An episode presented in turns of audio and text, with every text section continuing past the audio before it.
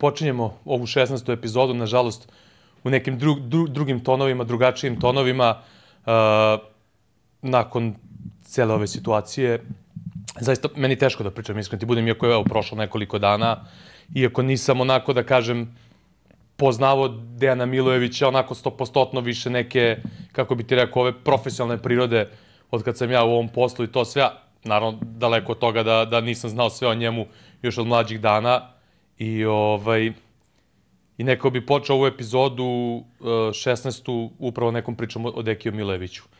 E, dosta njegovih prijatelja, trenera, saigrača, igrača koje je trenirao su prethodnih dana dosta pričali na tu temu i rekli sve o njemu i zapravo potvrdili neke stvari koje sam ja stekao utisak još kao klinac o njemu, a da ga nisam poznavao, nego sa strane sam stekao utisak. Uh, drugi strane, isto tako, uh, sve ovo prethodnih dana što se priča i uopšte kako je ceo NBA i svet pričao o Dejanu Milojeviću, isto tako pokazuje kakav je on, on trag ostavi generalno uh, ljudi sa ovih prostora u tom nekom prethodnom periodu i kakav je on utica imao i na Nikolu Jokića, njegov razvoj i na brojne igrače koji su draftovani u prethodnom periodu. Tako da, teško je naći neke reči da se bilo šta kaže, ali ajde, eto, ja, ja ću ispričati neke stvari koje sam ja, gde on imao neki uticaj na mene koji ga nisam poznao, odnosno na mene i na brojne klince ovaj, koji smo se bavili košakom u tom nekom periodu kada i, i Dejan e, praktično još nije bio zakoračio na seniorske terene, nego kao, kao juniorski igrač. Da. Pa ne, ne znam stvarno ni ja iskreno šta da kažem, zato što je stvarno toliko nas je sve ovaj, zadesila ta vest iznenada i uh, neverica mi je neka reč koja mi onako pada prva na pamet, zato što i dalje mi je prosto neverovatno šta se dogodilo, kojom brzinom se dogodilo, tako da, eto, ja ću se potruditi nešto čisto, da, jer ima toliko ljudi koji su ga i bolje poznavali, sarađivali s njim i evo ovih dana smo svedoci da se ceo košarkaški svet, ali kad kažem ceo, bukvalno ceo, cela planeta se oprašta na način ovaj koji je stvarno dostojan njegove veličine i eto ja ću par samo stvari koje iz nekog ne toliko direktnog nego iz nekog posrednog iskustva koji sam imao prilike da, da, da utiče ovaj na mene ili na ljude koje ja znam ili s kojima radim pa eto čisto eto ćeš ti prvi pa Ajde. Uh, znaš kako, kad sam ja bio klinac, kad smo počinjeli da igramo košarku, uh, to ono, kadeti, otprilike taj neki period, uh, moj današnji kum i uh, moji drugari neki su igrali u Beovuku, da. klubu kojem je Dejan Milović počeo svoju karijeru, to jest prvo su se zvali Taš Majdan, kada je on počinio, mislim još uvek su zvali jest, Taš Majdan, jest. pa su kasnije promenili ime u Beovuk. I ovaj, zahvaljujući toj nekoj konekciji sa, sa tim mojim drugovima, kasnije igrali smo često jedni protiv drugih i družili se i, znaš, ono, u to vreme, posebno u vreme sankcija, mi smo čeznuli za, za, za bilo kakvom košarkom, gledali, išli, gledali jedni druge, gledali te starije generacije od nas e, i sećam se, znači, ta priča koja je išla tada, legenda koja se tada pričala o nekom Dekiju Milojeviću 77. Beovuka koji daje preko 100 poena, koji komotno ubacuje 60 poena, ali ono što sam ja tada isto slušao i od nekih mojih trenera, a i od tih mojih drugova iz Beovuka, je to da on imao te ogromne probleme sa kolenima, koje je e, prevazišao neverovatnim radom, upornošću i, i uspeo da pravi takve brojke. I već tada se ta priča pričala, kažem ti kasnije moj trener, isto taj primer nam je stalno navodio Dejan Milojević, Dejan Milojević, Dejan Milojević, problemi s kolenima, mimo svih nekih procena, tako kažem, lekara, što je Dejan kasnije pričao ovaj, u nekim intervjuima, uspeo je nekim mukotrpnim radom da prevaziđe te probleme i da napravi fenomenalnu karijeru.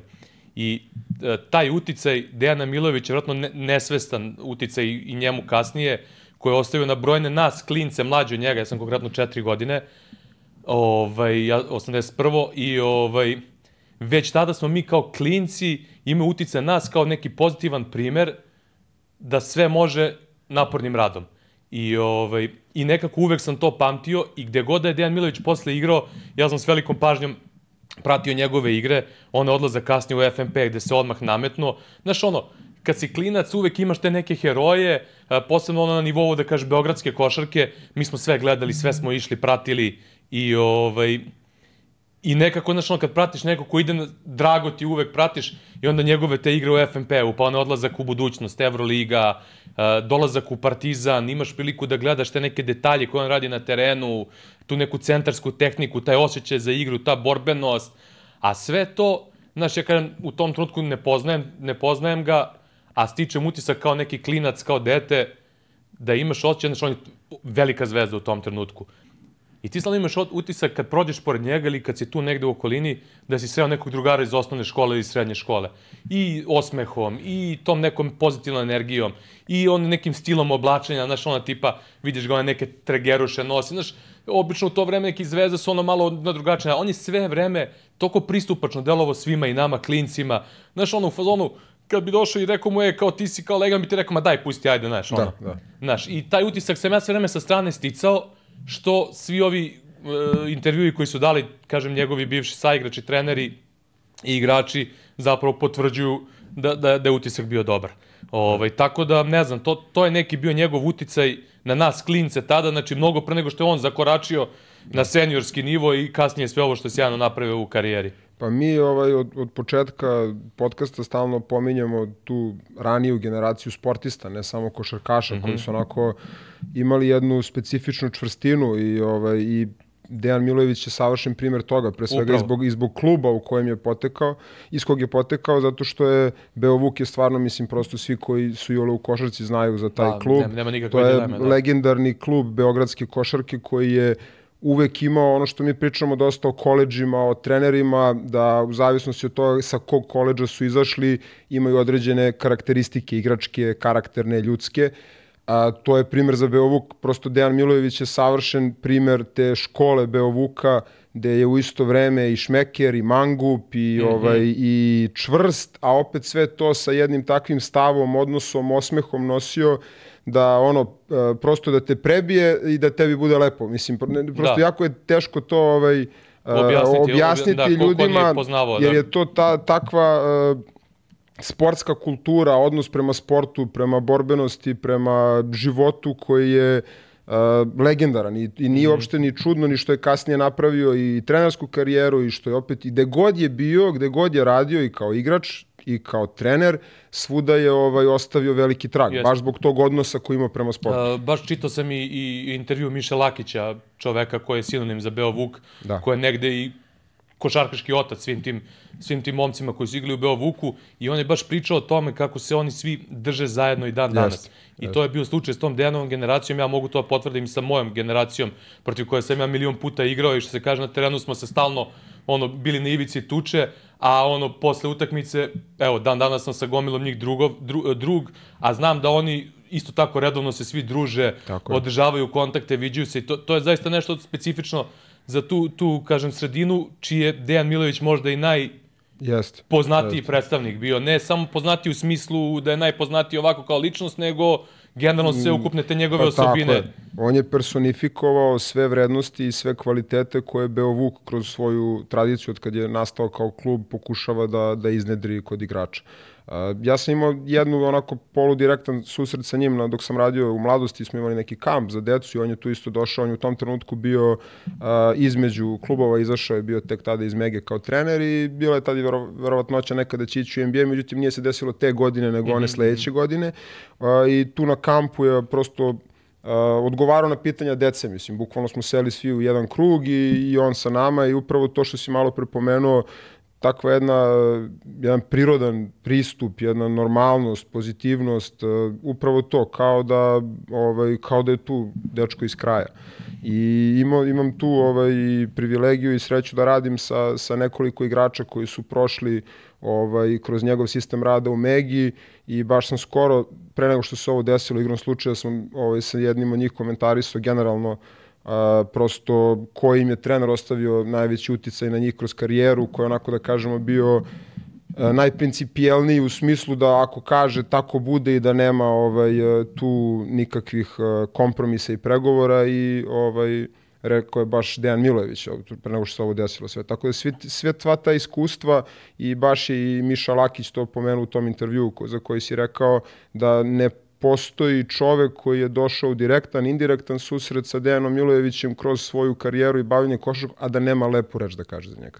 Da, upravo tako. Uh, pamtim taj trenutak pre nego što je on odlučio da, da uđe, da kažem, u trenerske vode. To je bilo nešto, sad ne mogu tačno... On da je bio team menadžer ili tako, nešto, da, sportski ali, direktor. ali, ali je bila neka, neka situacija, to sam gledao ovaj, na televiziji, je bilo ovaj, uh, nije to bila čak ni neka trenerska klinika, nije bio ni klasičan kamp, nešto se u vizuri održavalo i tu se pojavilo nekoliko bivših igrača, kao neka vrsta kampa, da kažemo, da. i pojavio se Dejan Milojević, praktično tek sveže, mislim nije tek završio igračku karijeru, ali tu, tu je taj neki period. I slagaću te, mislim da se čak i Bodiroga tada isto pojavio, nisam 100% siguran, ali oni su držali kao neki, neke kao pokazne treninge i tako nešto. Sam to gledao na televiziji i e, bukvalno ceo taj, celo to obraćanje Dejana Milojevića je bilo gde ti vidiš da on prenosi sve te sitnice sa terena.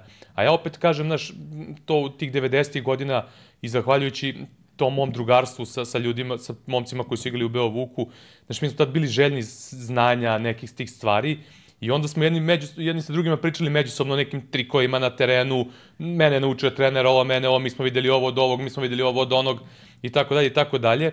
Ja sad gledam e, Dekijevo to predavanje, odnosno taj neki pokazni trening, možda je to najbolja reč, e, sa tim igračima i tačno vidim sve te detalje koje sam skontao da, da su ti moji drugari učili u Beovuku, koje sam video kod Dejana na terenu i vidim kako pristupa tim detaljima. A ti detalji su mi jako bili bitni, ono što stalno pričam, znaš, ti recimo kroz koleđ nivo možeš da vidiš gomilu tako nekih sitnica gde, gde uče Absolut. igrače, a što opet s druge strane bila i odlika one jugoslovenske škole košarke, možda su i ti detalji u ovoj modernoj košarci uh, malo izgubili, ali ti neki detalji dole, ostvarivanje pozicije, kako da braniš nekog igrača koji jači, kako da se spustiš, kako da ne, neki trik prodaš dole da, da ostvariš poziciju, ili ako si niži, kako da uzmeš ofanzivni skok na, na, na, na penalu, na primjer. Ja sam te sve da. stvari gledao i od Dejane, od nekih igrača pre toga, pratio, analizirao, znaš, neverovatno zaista. Pa evo ja mogu da ti kažem iz ono najdirektnije moguće prakse da što se tiče Beovuka se ti detalji nisu izgubili ni dan danas. Ni dan danas, da. Nisu izgubili ni dan danas i njihova deca i ovaj njihovi igrači koji prođu školu pravo Beovuka, znači ne pričamo o igračima koji dođu kasnije u klub,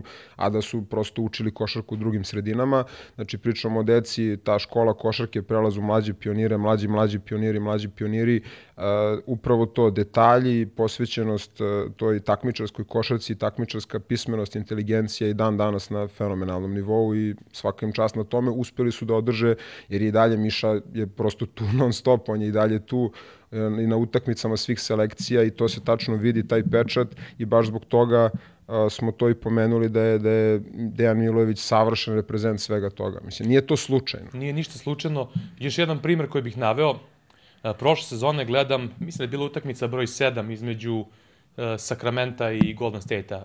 Mislim da je bila sedma, nisam 100% signal, ali, ali mislim da je sedma bila. I dešava se situacija da Sabonis pravi probleme i da u jednom trenutku, da u jednom trenutku uh, Golden State menja neki način odbrane gde Kevin Looney stoji 4 metra od Sabonisa i uh, na taj način bukvalno sprečava Sabonisa da uradi ono što najbolje radi, to je da uđe u kontakt. Ono, jak dribling uđe u kontakt, napravi tu separaciju i pogodi. Luni mu se sklonio na 3-4 metra, Sabonis nije znao u tim momentima šta da radi. I sad, znajući uh, za, tu, za taj blizak odnos, odnosno koliko je Dejan Milović radio individualno sa Kavonom Lunijem na nekim detaljima, ja sam bio, ovako gledam utakmicu i bukvalno rekao, ovo je sigurno delo Dejana Milovića, smijem da se kladim u šta, hoće, u šta hoće bilo ko, da je on to signalizirao i Luniju, verovatno i celom stručnom štabu, da su pribegli tom detalju. I e, nije me mrzalo, posle sam ovaj, preko zajedničkih uh, prijatelja koji, koji, ovaj, koji su poznavali Dejana, morao sam bukvalno da saznam da, da, da li sam dobro povezao ili nisam dobro povezao i na kraju se ispostavio da jeste to bilo. Tačno, to je taj jedan detalj, znaš ono, Sabonis bez tog ulaza u kontakt ne može napraviti ništa. Znači, teraš ga ili da ti šutira iz mesta ili da radi neke druge stvari. E, to je taj jedan osjećaj e, koji on i kao igrač i kao trener imao, te osjećaj za kontakt, osjećaj šta možeš u kontaktu da napraviš, Ovaj, tako da nekako, bukvalno 100% sam bio siguran da to njegovih ruku delo bilo i na kraju se ispostavilo da jeste. A to je jedna od stvari koja je napravila na kraju razliku, jer ako se setimo Sabonis nije baš imao neku briljantnu partiju Ovaj, a posebno sećamo se šta je sve bilo u nekim prethodnim mečevima, Sabonis, Draymond i sve ostalo i koliko to možda i provociralo Sabonis da možda ulazi u te kontakte i sve ostalo. Dejan Milović je bio majstor te igre u kontaktu i ovaj, ta neka generacija u, u Partizanu njegova, oni Šupuc su zaista bili dva neverovatna onako borca, prava ratnika na terenu i ovaj, to, su, to su neka moja neka sećanja i moja neka zapažanja sa strane, kažem, e, Dejana sam poznavao ovako više na nekom profesionalnom nivou, pa ne bih da nešto sad ulazim u te neke priče kad, kad ga nisam dobro poznavao, ali ovo su neki moji utisci koje sam sa strane stekao i kažem, najbitnije taj neki njegov uticaj na nas, klince, mnogo pre nego što je on postao, postao, postao velika zvezda i pre nego što je kročio na seniorske terene.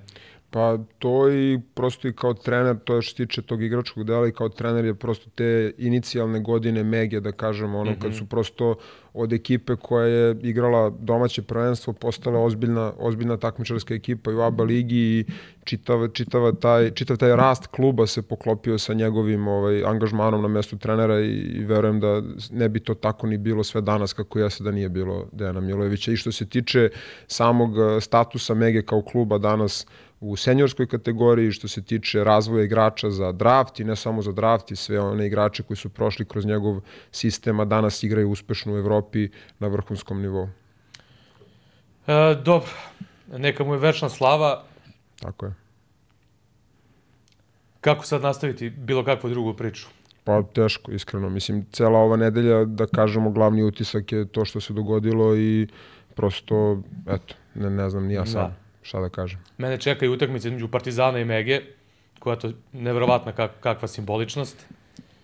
I, ovaj, i zaista ne, ne znam ni kako će to izgledati sa te neke profesionalne strane, ali eto, morat ćemo nekako, mislim, gledao sam i recimo i Boba Majersa koji je na ESPN-u ovaj, imao praktično odmah prvo veče tu ne, neki studio pre, pre utakmice i gde on isto pričao Uh, videli smo i, i brojne trenere koji su se obratili, igrači i sve ostalo.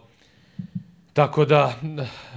To je prosto ono što je rekao da. Bogdan, da, da prosto Dejan Milojević bi ono, mu savjetovao da na kraju izađe na konferenciju za štampu, ono, prosto bile trenutak da. da li uopšte da izađe taj dan kada se to desilo i, ovaj, i tako to treba da gledamo prosto, mislim. Jeste, da, i ovaj, kako se zove, i Nikola Jokić je imao sinoć jednu briljantnu partiju na ivici triple-dubla, I trener Mike Malone je rekao da, da je pričao sa Nikolom i da je to otprilike bilo da on treba da dalje nosi, uh, da kažemo, to ime Dejana Milojevića na, na taj način tako da ga reprezentuje, što je Jokić već na prvoj utakmici uradio.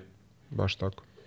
E, dobro. E, pričat ćemo o, o Euroligi, o, o učinku večetih rivala, e, dva poraza u ovom kolu, dva poraza u, da kažemo, manje više neizvesnim utakmicama i e, dve utakmice koje su mogle da imaju veliki uticaj na nastavak sezone za Partizan i Zvezdu, da su dobijene, malo je nedostajalo jednima i drugima, na kraju e, dva poraza, slede isto utakmice koje su važne, mislim ušli smo u takvu fazu sezone da je svaka ultra važna. E, krenut ćemo od utakmice između Crvene zvezde i Baskonije koja je igrana u četvrtak, vrlo jedna specifična utakmica. Zvezda je vodila u dobrom delu utakmice, pa je Baskonija uh, napravila oni koliko plus 11 plus 12, pa se Zvezda vratila, ali nije uspela do kraja da preokrene. Uh, veliki faktor neigranje tri ball handlera kreatora, uh, posebno Teodosića, Topića i Nedovića, posebno Teodosića. Sad, uh, ti ćeš mi reći da li se slažeš ili se ne slažeš sa mnom, neke dve, tri stvari koje su meni onako ostale kao najjači utisak, kažem, veliki hendikep neigranja ove trojice igrača koje mislim da bi, da bi got, ne, ništa nije sigurno, mislim, u sportu, posebno u košarci, ali moj utisak je da je Teodosić igrao na toj utakmici da, da bi Crvena zvezda vrlo verovatno dobila tu utakmicu. Uh, zašto to mislim? Ovaj, naravno, to nije nikakav garant, ali zašto mislim? Uh, kad pričamo ono, pominjali smo za Bobija Knighta i tu njegovu uh, knjigu uh, Power of Negative Thinking. Znaš, ono, kad stalno unapred i kad je dobro, razmišljaš šta, koje su najgore stvari koje mogu da se dese, ovaj, i spremaš se, spremaš se za njih dok, dok je dobro. Moj utisak je bio da Crvena zvezda igla fenomenalno prvo, prvo polovreme u skladu sa datim okolnostima usled osustva ovih igrača. Da su našli načine kako da, da preko drugih igrača naprave razliku i uh, dok je šut za tri pojena služio, uh, rezultat je bio fenomenalan. Uh, u tim momentima me, moj utisak je bio da je falio Miloš Teodosić koji bi pronašao dubinu, koji bi otvorio dole neke situacije i da bi možda u tom periodu utakmice Zvezda napravili veću razliku, što Baskoni posle možda ne bi bilo tako lako da stigne, bez obzira na onu nestarnu partiju Markusa Howarda, koji je praktično sam vratio Baskoniju. Kad imate takvog igrača, jednostavno čovek je bukvalno vratio tim iz ponora na, na, na onakve načine. Ovaj, a zašto kažem Teodosić? Zato što uh, moj utisak je bio, ne znam da li, da li ga deliš, ovaj, prvih par napada je Zvezda probala da uđe u utakmicu onako kako je ulazil neke mečeve da s nekim onim blokovima dole za Bolomboja da primi loptu bliže košu, međutim Baskoni je bila spremna za to. Situacije na tom terenu su bile onako malo, zahtevale su neki hazarderski pas koji ostali igrači nisu mogli da bace.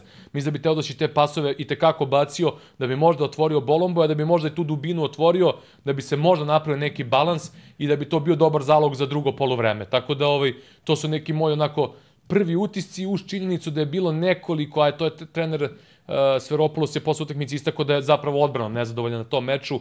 Dosta nekih miskomunikacija i nekih uh, grešaka je bilo u prvom polovremenu na toj, u tom periodu Zvezdine odlične igre, koje su možda opet dovele od toga da Baskonija tu opstane u tim momentima kada je Zvezda bila u punom naletu.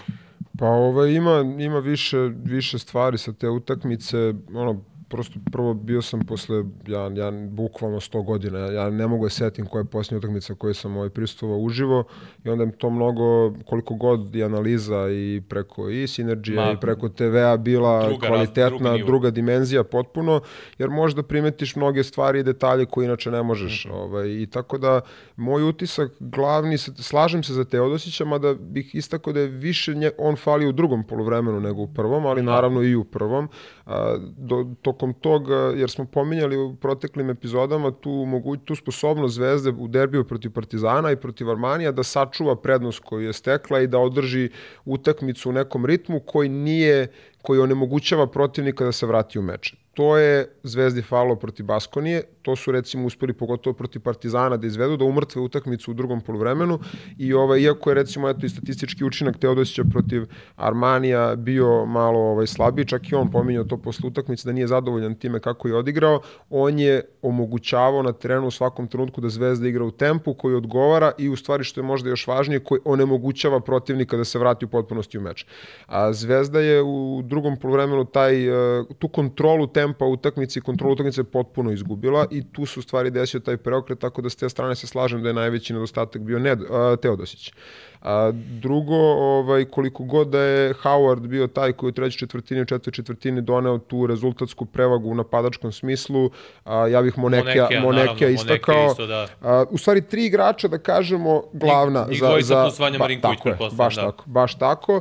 A, to su tri glavna igrača, Baskoni je bila na utakmici, Uh, Howard iz očiglednih razloga, mislim ne treba ovaj, biti i ole stručan da bi mogli da konstatujemo njegov učinak u utakmici, e, pa isto tako ni Monekio, zato što uh, uh, fizička nadmoć, dominacija i ovaj, prosto nesposobnost zvezde da ga u bilo kom trenutku zaustavi je konstantno omogućavala Baskoni druge šanse, treće šanse, četvrte šanse i on je bio taj igrač koji je davao intenzitet i fizički ton njihovoj utakmici.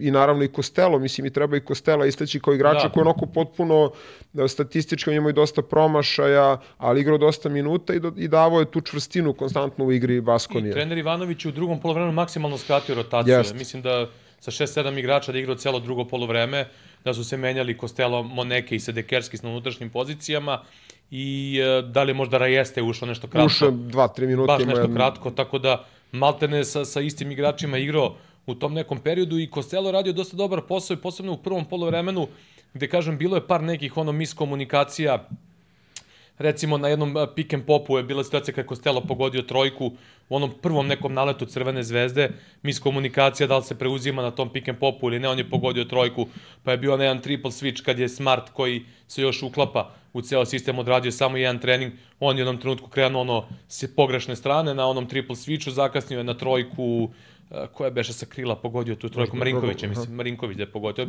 Pričamo se o prvom polovremenu, bilo je još nekoliko tih detalja u tom prvom polovremenu, gde pretpostavljam na to mislio trener Uh, između ostalog na to mislio trener Sferopoulos kada istakao da nije zadovoljan odbranom. Ne samo mislim zbog broja primljenih poena, jer neka taj broj primljenih poena nije je uvek... i posledica tempa, naravno. Da, posledica tempa ako se igra u brzom tempu i ako ima više posleda, logično da će potencijalno biti i više poena. Ovaj, ali, ali kažem, te neke verovatno detalji, sitnice, miskomunikacije u uh, tim fazama meča su mogle možda da odu na drugu stranu, da odvedu utakmicu na drugu stranu, da, da je bilo možda neke bolje koncentracije. Pa da.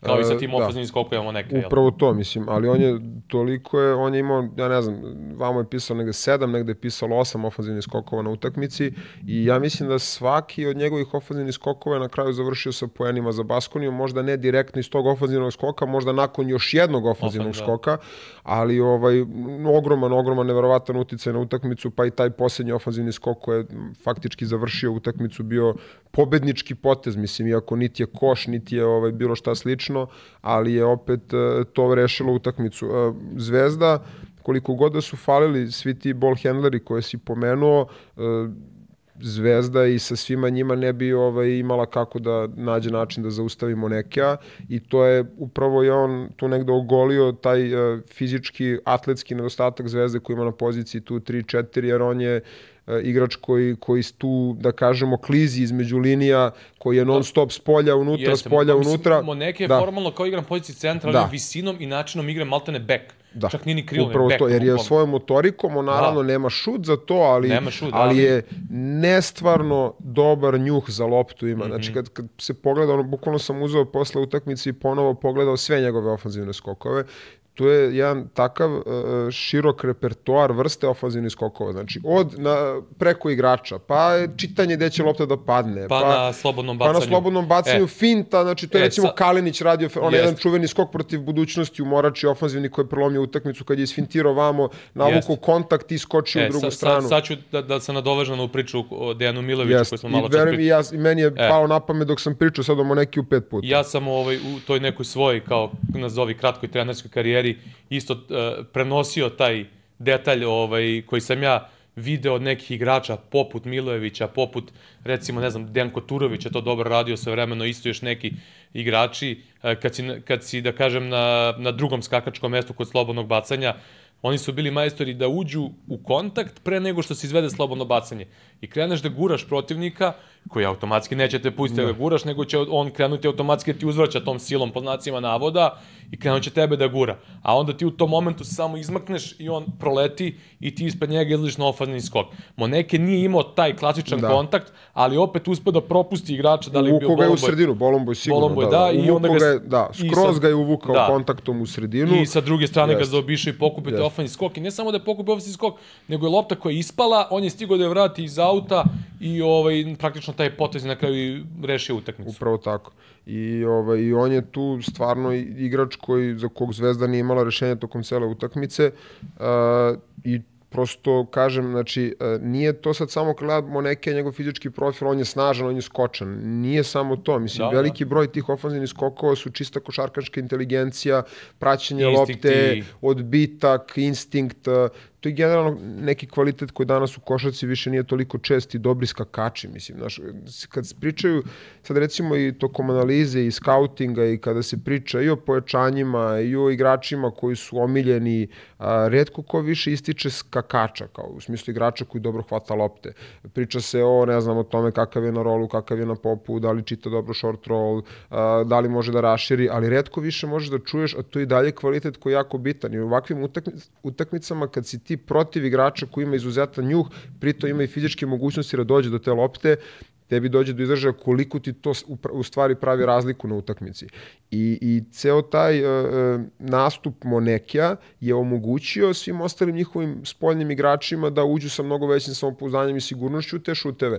A prosto eliminiši ofanzivne skokove njegove, ne, neće biti ni serije Howarda, ni poena Marinkovića, Vanja recimo isto stvarno njega treba istaći kao igrača koji je definitivno u ovoj fazi karijere dostigao jednu igračku zrelost, mm -hmm. gde on prosto je taj igrač e, e, koji u potpunosti povezuje redove, a, smiri kad treba loptu, uzme neki važan šut kad je to neophodno i zaista igra na vrhunskom nivou kod trenera Ivanovića. Još jedna stvar koju bih pomenuo za Monekija i e, negde, eto, nismo pričali u ovom delu o Dejanu Milojeviću, a to je jedna od stvari koji ističu svi njegovi treneri, e, karakter, Da. e, taj karakter koji on imao. E, Kod Moneke bih isto taj, taj detalj nismo pominjali nakon one utakmice s Partizanom, ovaj, ona dva bacanja koje je pogodio, koje su rešile utakmicu. Moneke nije neki penalđija, onda se desila ona situacija da su ga Ledeji naneli ovaj, provocirali i po znacima navoda onako drugarski da su se kladili sa njim da nema šanse da pogodi oba bacanja, a on uzme baš ta dva pogodi ovaj, i to nije slučajno. Nije. To nije slučajno i ovaj, ja sam siguran, uh, apropo opet pričamo o knjizi Bobija Najta, ovaj, on mi je jedan od tih profila igrača da bi ćutao protiv njega, ne bi ništa. Ne bi Da. mu davao nikakav materijal da bilo šta ovaj, drugačije nešto isprovociram kod njega.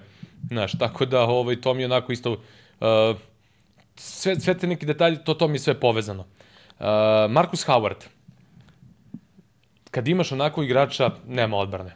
Znaš, možeš samo da se nadaš da će da da će Pa, da znaš kako, nema, ali može i malo Ne- drugačije. nema, ali ima, da, ćemo ali- u de- te detalje koji meni nikako nisu jasni. ali bili, vidiš ovaj. recimo naš neke one situacije on pređe pređe pola naskoči da. 10 metara pogodi trojku. Ali u tom trenutku Jago ide unazad. Da. Znači ti I sad, sad- imaš tu, tu stvar koju treneri pogotovo, ne možda u Euroligi, To- u NBA-u protiv Kari, ali tako? Gde I ga proti- kupiš? i protiv Lillarda. Ali gde ga I- kupiš? Kupiš ga na pola na terena. pola terena. I to je za Lillarda isto Znači ne situacija. kupiš ga na... ne kupiš na, ga na, na trojici, da. Da. I, ove, ali to su opet naš šutevi koji u evropskoj košarci nisu toliko česti sada, današnje. I ovaj, sad tu uvek je ono naš dilema šta, kako, gde, šta se radi, kako se radi, zo, zona šuta, nije zona šuta, da li je svakome ista zona šuta, da li je ista zona šuta tebi i meni. Ovaj, I dosta tu nekih detalja gde opet dolazimo sada u onu situaciju koju pričamo stalno o nekadašnjim igračima, o današnjim igračima, o poznavanju, nepoznavanju svojih protivnika, da ti sam doneseš da neka čak i možeš kako bi ti rekao, da iskočiš iz sistema po znacima navoda na neki svoj instinkt, ovaj, baš onako specifična situacija, Howard se zapalio u tom periodu utakmice. On dobro je počeo da one dve trojke, pa dobio dva faula i morao je na klupu, tako da malo te je presedao celo prvo polovreme, a onda oni šutevi koje je posle pogađao, zaista, to, to, to je Marcus Howard, mislim, mnogo je iznenadilo. Upravo to je i To je- iznenadilo on kad je onu prvu utakmicu protiv Partizana prošle sezone igrao, svi su kao bili nešto u fazonu kao Marcus Howard najbolju utakmicu u životu. Ljudi nisu svesni da on na NCAA nivou koliko puta prebacio 50 poena. Ja vidim čak jedan od rekordera, ako ne i rekorder po broju 50 plus utakmica koji je imao na, na marketu. Inače, Howard igrao i u reprezentaciji zajedno sa Javontom Smartom, ovaj, Da. da. reprezentacije Amerike. A, upravo to, on niti je neki, da kažemo, ono, find iz, iz treće finske lige, niti je on igrač bez reputacije, prosto čovek koji je u jednoj, na jednom koleđu koji se nije u onim baš da kažemo ono plavokrvnim, onim elitnim broj 1 školama tipa Kentucky Duke, ali već u sledećoj kategoriji možemo da računamo Marquette. A, prosto Ko- i koje sve igrače su izbacili na kraju krajeva, da, mislim. Jimmya Butlera, Dwayna Wade-a, Doka Riversa. Tako je, i prosto i generalno su imali kroz celu svoju istoriju e, dosta tih e, skorera bekova su pravili, Mhm. mm. tako im je bila i kultura e, koleđa i njihove igre još 80-ih i ranije. E, tako da je to, ne, ne znam kome može Howard da bude iznenađenje. E, on jeste igrao fenomenalnu utakmicu, jeste da možda većina publike nije imala prilike da ga toliko prati i gleda. Ne, nije, ali ali nije, nije, da. sad iznenađenje bio, nego ono na početku Ne, ne, pa prošle tada, sezone, na to da, sam da. mislio, da, na tad sam mislio, ne, sad već, već nikome nije iznenađenje s tim što oni sad ima momente kada u nekim utakmicama nema taj efekat ove godine možda malo više luta nego što je očekivano bilo je da, da prosto napravi tu eksploziju, ali je igrač koji u svakom trenutku može da ti napravi probleme kao što je napravio Zvezdi. Sad se tu postavlja pitanje a, određenih a, odluka u igri, u odbrani u tim trenucima koji nisu baš, da kažemo, logični u najmanju ruku. Znači, prosto imamo situaciju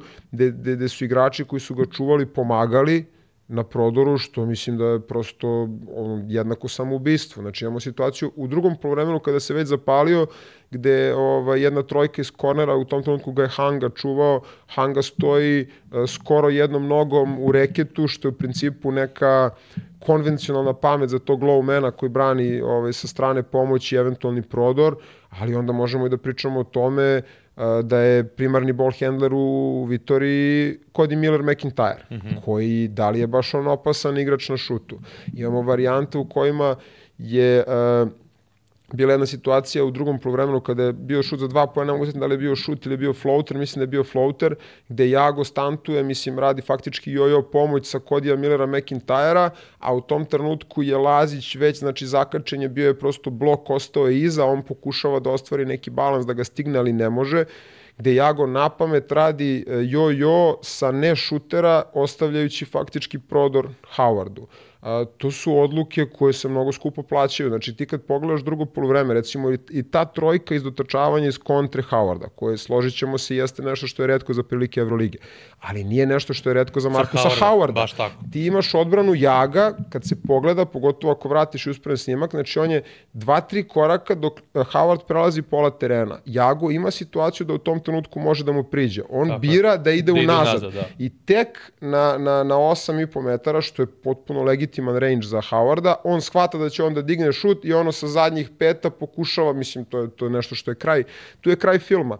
A, u tim situacijama iako naravno Howard jeste igrač koji može da finišira i na obruču, ali bi prosto bi mu bilo dosta neprijatnije da je nateran bio da mnogo više napada koš, da mora stalno da prebacuje protiv igrača koji su više od njega i kada mu ti dozvoliš te situacije koje su mu bile dozvoljene, on kasnije će da pogodi recimo ovaj šut preko Gillespie bio izuzetno težak šut protiv Davidovca, isto bio težak šut, a posle će već da krenu teški šutevi da ulaze. Pričali smo mnogo puta o tim nekim važnim detaljima, ajde da se vratimo na Moneke, na, na, na, na njegovu tu energiju, njegov vibe.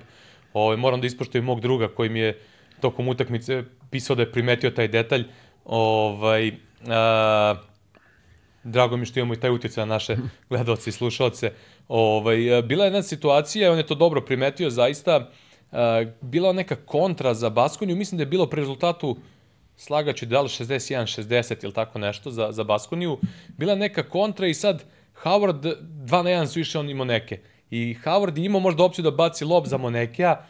Moj utisak je bio da je da ga je malo lopta usporila u nekom trenutku i da nije bio siguran da će moći da prebaci sigurnim lobom za Monekija koji je očekivao možda i Eli Up, možda i čisto loptu za, za Čizicer. Nije dobio i onda se malo iznervirao Monekija u jednom trenutku što nije dobio tu loptu za Zicer i onako malo je krenuo onako prva dva, tri koraka nervozno nazad u odbranu i već da sledeći ili onaj tamo posed Moneke igrao sa topa 1 na 1 i ako sećaš onaj pas podelio Howard, ono maltene po zemlji, onaj strašan pas je dao i Howard je pogodio iz levog kornera trojku. Mislim da je to baš situacija koju sam pomenuo što da. je Hanga se da, pomerio jest, previše jest, ka... Jest. Jest. I u tom trenutku Howard daje tu trojku i ono, pokazuje kao prstom na Moneke, a Moneke ono, energija i taj drugar moj je to primetio kao po njegovom mišljenju da, da se tu utakmica, iako je Baskonija se već vratila iz minusa, da. povela da. u tom trenutku, ali da to možda bio taj neki zaokret da je Baskonija otišla na, na onaj na, na onih plus 11, 12, koliko je već bilo u tom trenutku i mislim da, da možda da je na dobrom onako nekom tragu bio sa tim detaljem, jer ovaj, gde se još jednom pokazala ta veličina na neki način imao Monekija, koji je prešao preko toga, odigrao taj sjajan pas i ovaj da je Howard pogodio toliko negde ispoštovao Howarda koji je u sjajnom naletu bio. Ono što je meni utisak generalno što se tiče ekipe Baskonije, to je da oni znaju šta su i ko su. Mm -hmm. I to je njihova najveća prednost. Znači oni prosto nemaju takav, takvu ekipu, pogotovo kada Kioza ne, ne igra, ovaj, nemaju sad ni toliko primarnih ball handlera koji mogu da, da iznesu neku vrstu kreativnosti koja može tebe da izbaci iz ritma, koja može da ti donese neko e, nekonvencionalno rešenje, recimo Miller McIntyre je u njihovoj ovoj postavci igrač koji je onako pouzan na lopti, koji zna svoje limite, znači redko uzima šuteve za tri poena, ne izlazi iz svojih okvira i prosleđuje dobro šta treba da se prosledi za svoje primarne skorere. A, oni su igrali manje više na isti način i prvo i drugo polovreme, s tim što je razlika bila naravno u toj razigranosti Howarda u drugom polovremenu.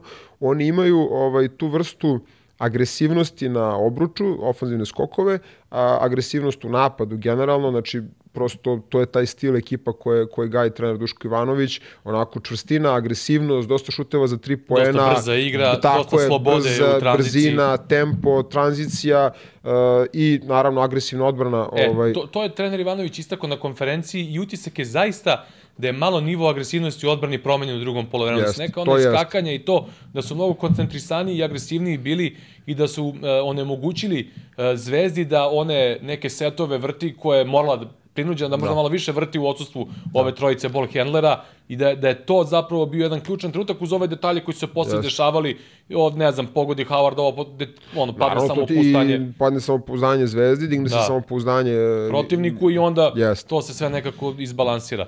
Ovo, tako da, da zaista se slažem to što je trener Ivanović rekao da pretpostavljam da na to mislio na te detalje, jer zaista evidentno je bilo mnogo koncentrisanije i neko kako energičnije sve na, na tim iskakanjima i uopšte odbrani. Pa zato što mislim da je jednim delom to što i ne može Jago da donosi 40 minuta odluke koje donosi u prvom polovremenu. On je u prvom polovremenu tu prosto i lakše da donosiš takve odluke kada svi pogađaju. Znači Zvezda je mm. prosto u drugom polovremenu prestala da pogađa te šute u prvom polovremenu, čak i Mitrović dao trojku, ja ne znam kad je posljednji put da, šutno. Da, na kraju mislim da ona preinačena u dvojku, nisam jel, jel da, mislim da jeste, pa ne znam, ali, da, da, ali je da, uzeo taj šut. Ne znam kad je posljednji put šutno da. uopšte. E, tako da je prosto cela ta energija i atmosfera i ekipa igrala na taj način da je bilo njemu lakše da se oslobađa od lopte. U drugom polovremenu odme je krenulo drugo polovreme tako da je, da je Baskonija ušla u seriju, da je Zvezda ušla u nervozu u napadu i onda je to uticalo da Jago mora mnogo više drži loptu rukama, da kažemo, stao je protok lopte u igri Zvezde, mm -hmm. mnogo više lopta se zadržavalo u njegovim rukama i on je tu tražio neka rešenja sa manje ili sa više srećnim završecima,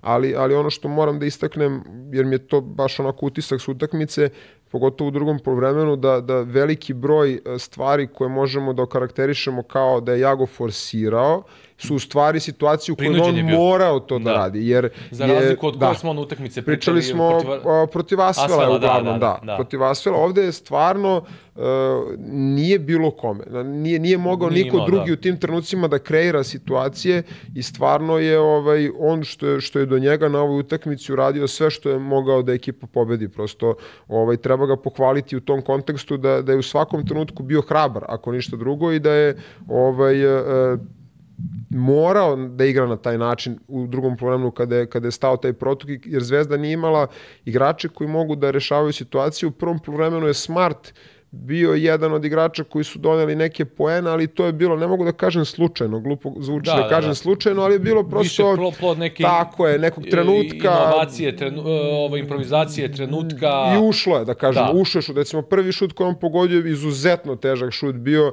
taj šut je ušao, kasnije nisu, recimo trojka koju on, jedina trojka koju je pogodio, jedan od šest, mislim da je šutirao trojke, je bila možda i najteža koju je šutno, bila između dva igrača i tu sad situacije koje će on, mislim, verovatno ćemo se dotaći Smarta generalno kao, kao mm -hmm. pojačanja zvezde, ali bilo je očigledno na ovoj utakmici da on jeste doneo taj faktor iznenađenja, ali isto tako je doneo faktor gde on nije bio sposoban da na nivou Evrolige, kad kažem nivou Evrolige, mislim neke evroligaške takmičarske pismenosti, donosi odluke otvara saigrače, nego i u tim trenucima kada bi možda trebalo se spustiti lopta na post iz nekog mismeča, kad bi trebalo da se prosedi, on je ono prosto gledao, ono, tunnel vision, gledao je samo na koš i trojka, kažem, koja je pogodio, bila izuzetno teška trojka između dva igrača, faktički da je u tom trenutku verovatno trebalo da spusti rol na Bolomboja, A, I onda kad je on stao, kada su ti poeni koji su bili onako proizvod neke individualne improvizacije stali za zvezdu, niko od drugih igrača nije taj sa loptom, tu je onda zafalio recimo Nedović i ta vrsta košgetarskog učinka koju Zvezda nije imala u drugom polovremenu, da ne možda toliko uspori seriju Baskonije, nego da se održi na nivou vode, da se ne potopi u minus 10, nego da recimo e, ta serija Baskonije nema taj efekat, nego da se uđe u neki egal iz kojeg bi opet lakše u drugu, u četvr četvrtini Zvezda mogla da ostvari nadmoć. I onda ta četvr četvrtina, ono što stvarno moram da istaknem jeste da je, da je publika napravila E, stvarno fenomenalni pritisak na Baskoniju, znači ono, izašli su iz, iz, iz pesama, ušli su u pritisak u zviždanje, gde, gde su stvarno uticali na napad Baskonije u tim trenucima, pogotovo pri kraju četiri četvrtine. Nažalost, po Zvezdu i po navijači Zvezde, a, Zvezda nije uzela defanzivne skokove u tim trenucima i onda su ofazinim skokovima opet došli do ravnoteže igrači Baskonije. Da, e, što se tiče Howarda, da, eto, iza njega završimo onu priču E, mogu naši gledalci malo da, da ga istraže i po internetu zapravo ovaj, on je jedan veliki onako ambasador uh, kada je ono, mental health u pitanju i da ne bi sad mi tu nešto pričali, možete da malo izgooglate, pogledate.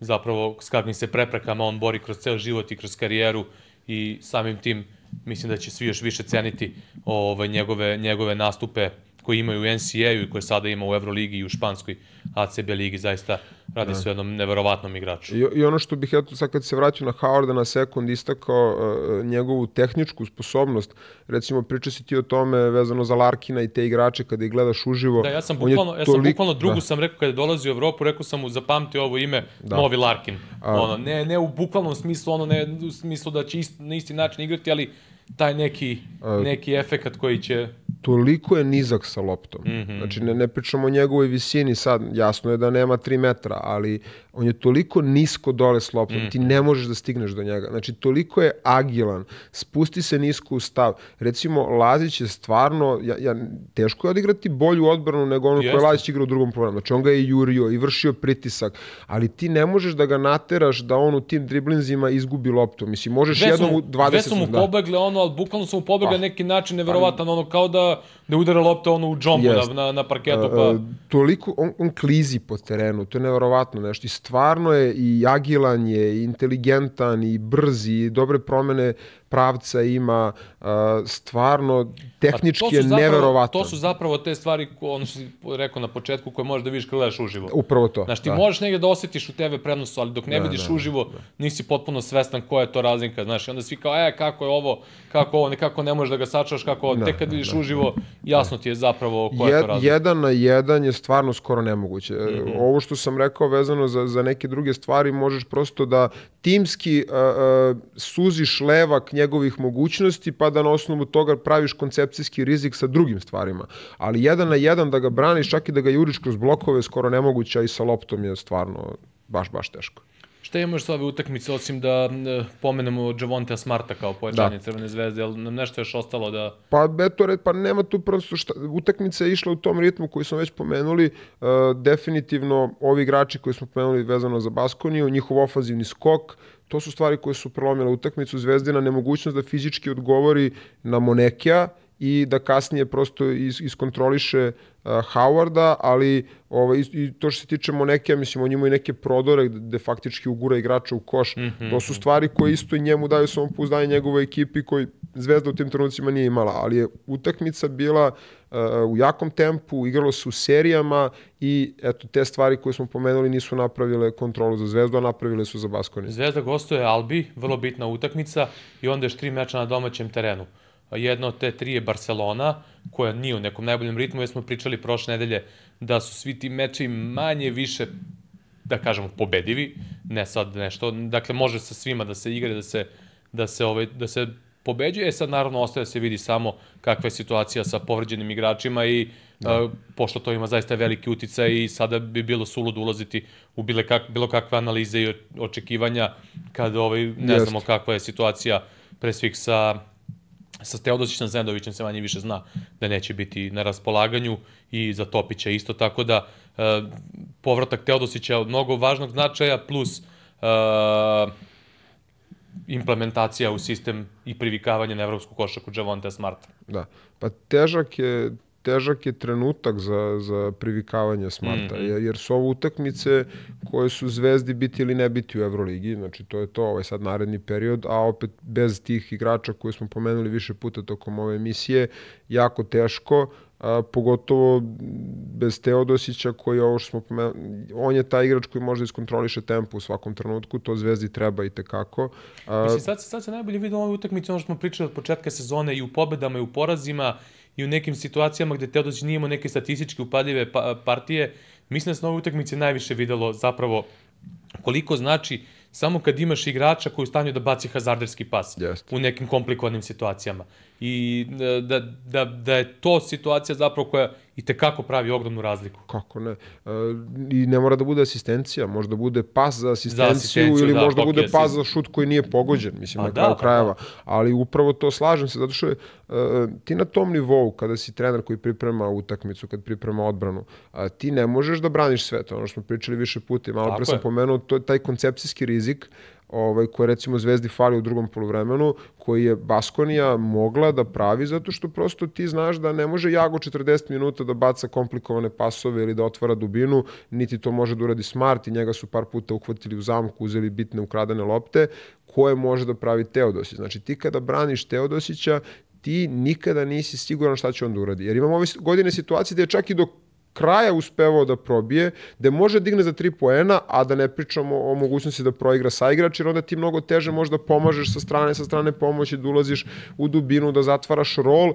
samim tim se otvori rol, znači to je prosto kao domino efekat, onaj yes. butterfly efekat u kojem stalno pričamo, koji tebi sad kad se desi na utakmici se desi ili ne desi, ali ti u pripremi moraš da razmišljaš o svim tim mogućnostima tako je, tako koji se otvaraju u zavisnosti od toga da braniš. Stalno si u potenzijom yes. zbog tih stvari, da ne pričamo o tome koliko protivnici uh, koncipiraju odbrane na Teodosiću, što otvara da Jest. ulaze zapravo te koncepcijske rizike, da zatvore Teodosića, a on opet zna da se to, iz toga i slobodi protiv nekih timova više, protiv nekih timova manje. Pričali smo o tome, neki timovi poput Panathinaikosa su radili sjajan posao u toj odbrani na njemu, a ovaj generalno ovo je jedna od onih utakmica da je, po mom mišljenju, bi sigurno imao veliki, veliki uticaj na, na više, više faza utak, pa više faza igre. Sla, slažem se sa onom tvojom prvom konstatacijom s početka da ja isto mislim da je Teodosić igrao da bi Zvezda dobila utakmicu. Mislim, to ne može niko da garantuje, Naravno, ali mislim, tak, to, tak, to je naše mišljenje. Pa, naše mišljenje, takav mi utisak neki bio, ovaj, ne mora znači da bi, da bi tako i bilo.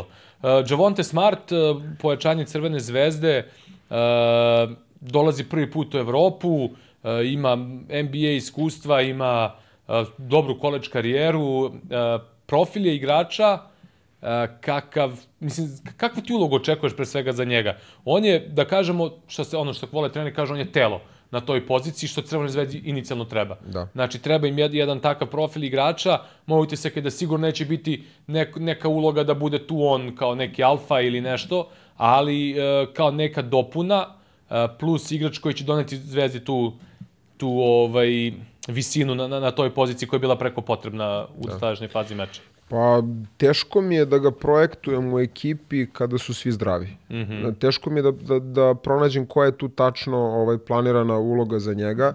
Da li je on tu doveden da, da zakrpi, jer je prosto takva situacija da je apsolutno bio neophodan neki igrač na toj poziciji, ili postoji neki viši plan za njega kada su svi zdravi. To me jako interesuje kada se budu oporavili svi igrači Zvezda, znači ovi koji smo pomenuli na ovim bekovskim pozicijama. Uh, Smart je igrač koji je najbolju reputaciju imao pre nego što je ovaj, otišao na koleđ. On je bio, u jednom trenutku je bio rangiran kao broj 1 prospekt, mm -hmm. playmaker u celoj Americi. Mm -hmm. A kasnije on otišao na LSU, tu je bilo i dosta nekih kontroverzija oko toga, njegov trener tadašnji koji je bio na, na LSU, to je bio onaj ceo skandal oko Arizone, oko Shona Millera, mm -hmm, da. a, koji se negde prelio i na LSU, on je danas trener McNeese State, a mislim prosto platio je cenu ovaj, tih skandala koji su desili. Na kraju on je imao tri sezona, mislim da je odigrao na LSU. One su, to su bile korektne sezone, ali ni blizu tog uh, ranga koji je očekivano od njega. Da. da, on je generalno iz Luizijane, ali kažem u tom trenutku on je u 16 i u 17 igrao za reprezentaciju Amerike, neki od njegovih saigrača su recimo Howard, pomenuli mm -hmm. smo ga Colin Sexton,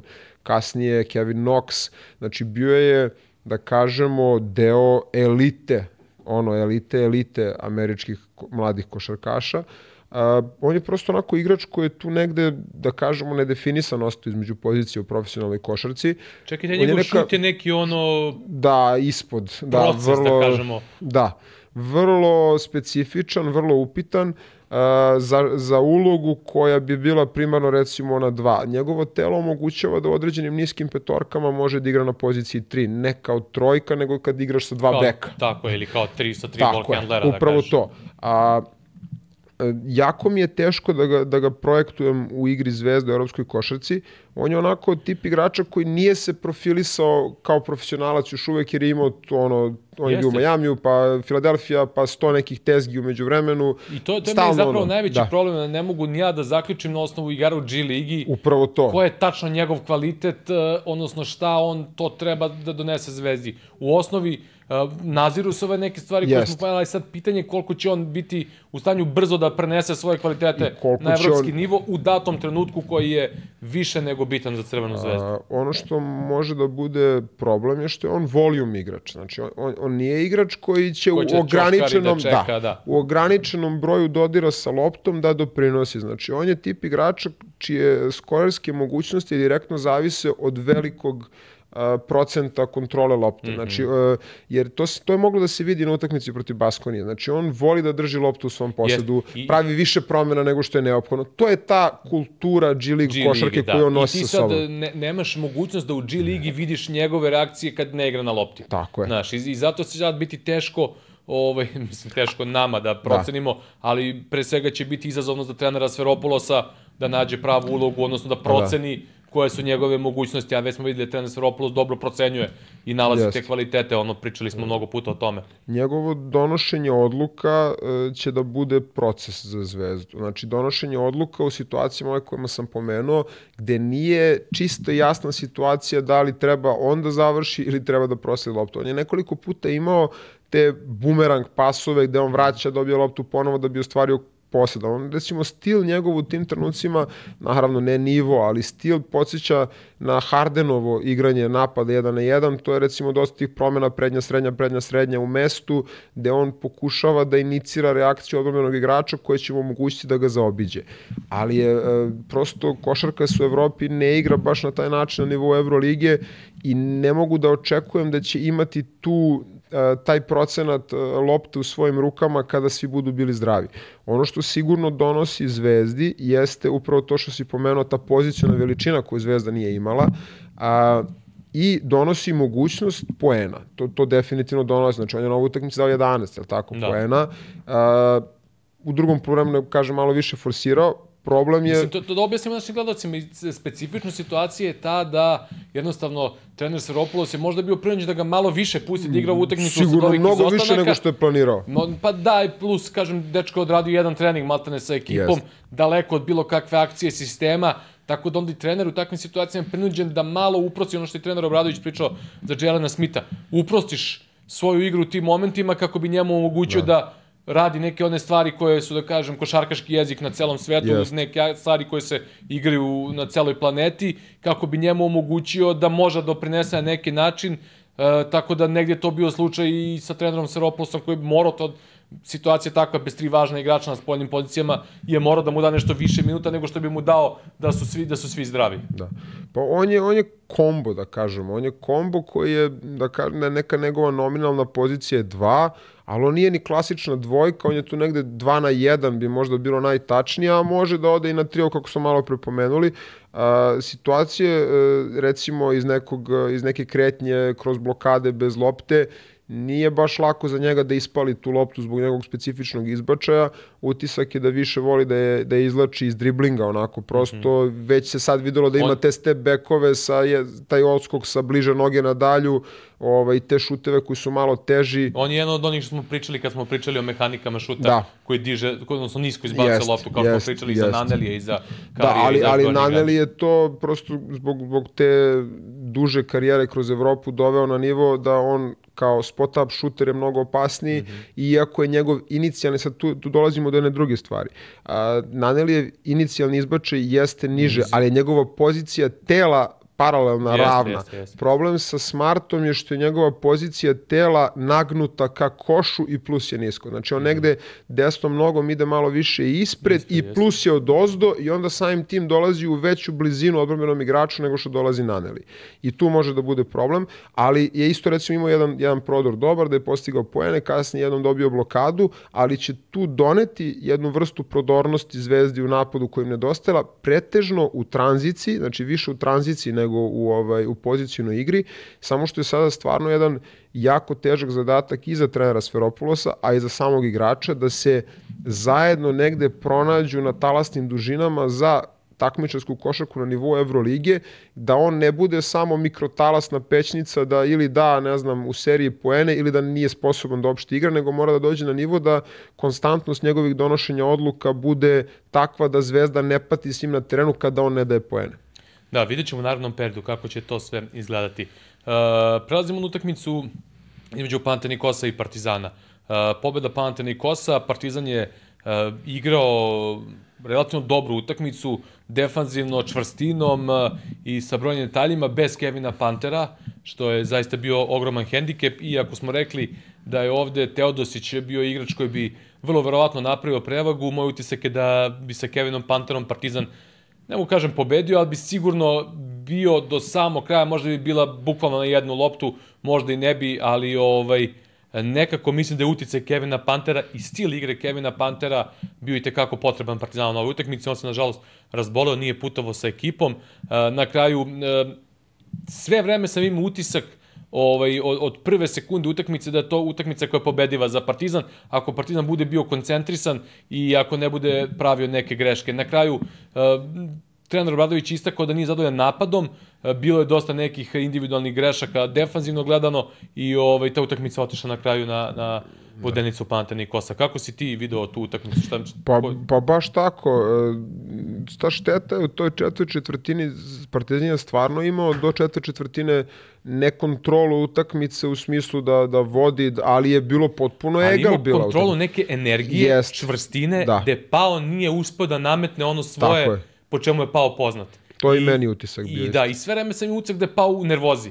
Zato što ne uspevaju da odrade ono što je njihov forte, ali eto, baš zato kažem da je Panter bio tu da malo napadački oslobodi Partizan, da bi možda a, to bio jedan drugačiji efekt. Pa bilo je udarac za udarac, ono, prosto mm -hmm. pogotovo to celo drugo polovreme, bilo u toj drugoj četvrtini možda malo ono, uspeo da se odlepi Panathinaikos, Partizan opet do kraja utakmice, do kraja polovremena uspeo da, da se, vrati, vrati u kontrolu, a, i onda je ta treća četvrtina bila non stop onako koš za koš, odbrana za odbranu a, i činjenica i slažem se da je u tim trenucima takav tempo utakmice i takva razmena udaraca mnogo više odgovarala Partizanu kao gostu nego što odgovarala Panathinaikosu koji prosto i zbog stila igre i trenera Atamana i, i sve ukupno atmosfere u hali je mnogo više ovaj mnogo im više odgovara kada se igra u serijama i kada oni uspevaju da naprave dobre dobre pluseve. A prosto tu je onda na početku četvrte četvrtine je Panathinaikos uspeo da iskontroliše utakmicu i onda do kraja Partizan nije uspeo se vrati, ali je ali je utisak da u odnosu na rezultat koji onako na kraju bio nerealno visok je je utakmica bila potpuno drugog tipa da kažemo. I onda su te neki detalji, ti sitni promašaji koje Partizan Partizan ima u drugom poluvremenu, mislim, prelomili utakmicu. Recimo, ti ziceri ponitke na kog ćemo se nadovežemo kasnije ili možemo odmah. Možemo odmah. Uh, Smajlagićev ono zakucavanje koji je bio da. fenomenalan potez. Jednostavno, eto, lopta je malo mu je skliznula sa strane, nije uspeo zakuca ti detalji, recimo da je Partizan otišao na plus 4, na plus 6 u tim trenucima, mislim da bi napravili dodatni pritisak mm -hmm, na ekipu Panathinaikos. Da, da. Pa ajde možemo da krenemo možemo sa ponitkom. Ovaj, dosta je komentara, ja ne znam, uh, stičem utisak i sad ovaj, eh, ajde nećemo sad da sad tu bacamo neka poređenja i to, ali ovaj, me, moj utisak je da se Ponitka trudi da gleda na, sav, na, na svaki mogući način da bude koristan za ekipu, da pokušava da bude pozitivan, ali samo pouzdanje jednostavno nema. A opet u celom tom trudu kao da se ono ko ne znam u, u ne znam Super Mario kad skočimo pa kao da se sve oko njega ruši bukvalno prosto mi je neverovatno i na neki način možda i žao, jer ovaj, verujem da, da su mnogi od nas imali takve situacije, kad god pokušaš nešto da uradiš pozitivno, šta god uradiš, desi se nešto negativno. Da. Ovaj, I mi da to baš sluči sa ponitkom, iako mislim da je sad možda opet negde prenaglašeno, prenaglašeni su ti njegovi promašaji, a negde pocenjeno uh, kakvo je, kakav posao defanzivno odradio. Uh, nisam 100%, nisam 100% siguran, ali mislim da je u trenucima kada je on uzeo uh, Nana, nula poena, nan. Uh, da je sasvim pristojno par onih posada čuvao i, i Lukasa i ovaj, da je taj njegov, ta neka njegova energija i čvrstina dala dosta toga pozitivnog Partizanu. Nije se na kraju uh, isplatilo, iščačka on jednu loptu koja je bila kada je to, tom nekom borbenošću kada je Sluka spao u aut. I bacio mi toglu u ruku. E, onda on probao tu iščačkao i probao da napuca lepadu u aut. I pravo u ruke. I pravo u ruke još onako se uštopuje lopta. Znači, to, to su jednostavno momenti kad, kad ti bukvalno ne ide ništa u karijeri. Mnogo igrača imalo te situacije i ovaj, ja zaista imam potpuno razumevanje za, za, za ponitku. Ovaj, tako da ne, nemam pojma. Mislim, specifična situacija, zaista. Just. Iako mislim da, da eto, sve one stvari koje su mu izašle iz koša, opet neka njegova do, dobar, dobar instinkt, dobro utrčavanje, pravovremeno, sve, jednostavno se nije naplatio tim poenima da jeste, možda bi ta utakmica takođe išla u nekom drugom planu, možda bi on danas bio neki junak, a ovako... Up, upravo druga tako, strana upravo medalje. tako. Mislim da to uopšte nije toliko uh, redka stvar u sportu, a mislim da sigurno i gledaoci i slušalci koji možda nemaju toliko direktne veze sa sportom mogu da se identifikuju kroz svoj privatni život, jer mm -hmm. da, da, da svi mi prolazimo često situacije gde nekad imamo utisak da što se više trudimo, to nam gore ide i što uopšte nije ni nelogično kad, kad pogleda čovek, jer negde ti za, za bilo kakav posao treba i određena doza smirenosti i koncentracije koju nemaš iz tolike prevelike želje da izađeš iz minus faze u kojoj se nalaziš. I ponetka se nalazi u nekoj minus fazi u ovom trenutku, ali e, ja bih njega generalno posmatrao kroz njegov odnos prema igri, e, da ja nisam video zaista od bukvalno prve sekunde u dresu Partizana, nisam video nijedan njegov negativni stav, negativnu mm. pojavu, ili da nije dao maksimum u tom trenutku. Tako to ne znači da ne pravi greške. Bio jedan kadar, ono isto kad je, dok još nije ušao u igru. Da ono kad je skočio sa klupe i sve ostalo, naš pritom to je to može da bude neprijatno za nekog igrača koji je no, direktno iz Niko sad došao u Partizan. Mislim kogod nekome to zvučalo, ne znam, kao glupost, ipak ti negde kad igraš protiv kluba iz kog si došao praktično pre par meseci, ipak si ti negde malo onako, znaš, ne, nemaš ono, nisi sav svoj, što se kaže, ne možeš da, da budeš ono. A on je opet negde tu pokazuje tu neku vrstu pozitivnosti. Ja znam da, da su ovo neki detalji sad koji možda mnogima nemaju veze sa, sa samom utakmicom, ali meni je to i tekako bitno da vidim kod igrača. Isto. Ovaj, tako da, ne znam, nekako dosta ljudi je sad ono na ponjitku skočila, nisam taj utisak stekao. Znaš, jednostavno, dešava se, ne, ne, ne, ne uđe šutevi, neko će kaže to mora da pogodi, slažem se, ali nije baš sve ono... Priro, prirodno je da, da kada se desi, pogotovo takav broj promašanih zicara u, i to se desilo zaista u seriji kod jednog igrača da će to naići na negativne reakcije ali e, zaista negde meni tako izgleda, možda sam u pravu, možda nisam u pravu, da je, da je tu negde na, na, na korak od, od tog proboja, da, fronta. Da, da, i meni znači, to već da, da mu samo kolo, treba, siguran sam da sa, sa jednom, jednim dobrim potezom koji će da, da pogodi 2-3, da će da se otvori sve druge mogućnosti koje on pruža kao igrač ovaj, i jednostavno je to tako. Sve ove pozitivne stvari koje radi su jako bitne i, i samo kada ako dođe do tog trenutka, verujem da, da može da dođe do tog trenutka, da uđe u bolje samopouzdanje i sam sa sobom, da nema više tu vrstu pritiska koji je verovatno i sam sebi negde stvorio, jer kao igrač koji očekuje puno od sebe i svi igrači koji se bave na tom nivou su vrlo zahtevni sami sa sobom pre svega i, i, ovaj, i osjećaju da nisu u pravom trenutku i on želi da se dokaže, on toliko želi da, da ostvari taj pozitivni iskorak, da, da ga to negde remeti, prosto da, da, da negde nađe način da, da, da spusti loptu i da uđe smirenije u te situacije, ja verujem da će to da, da ode u plus i, i može onda da bude vrlo bitan igrač za Partizan jer, jer pruža tu versatilnost od 1 do 3 i mogućnosti u odbrani, recimo ona, ona ukradena lopta i ona rampa Nana, gde je stvarno Nan napravio fenomenalan mm -hmm. potez, ne, ne može da se...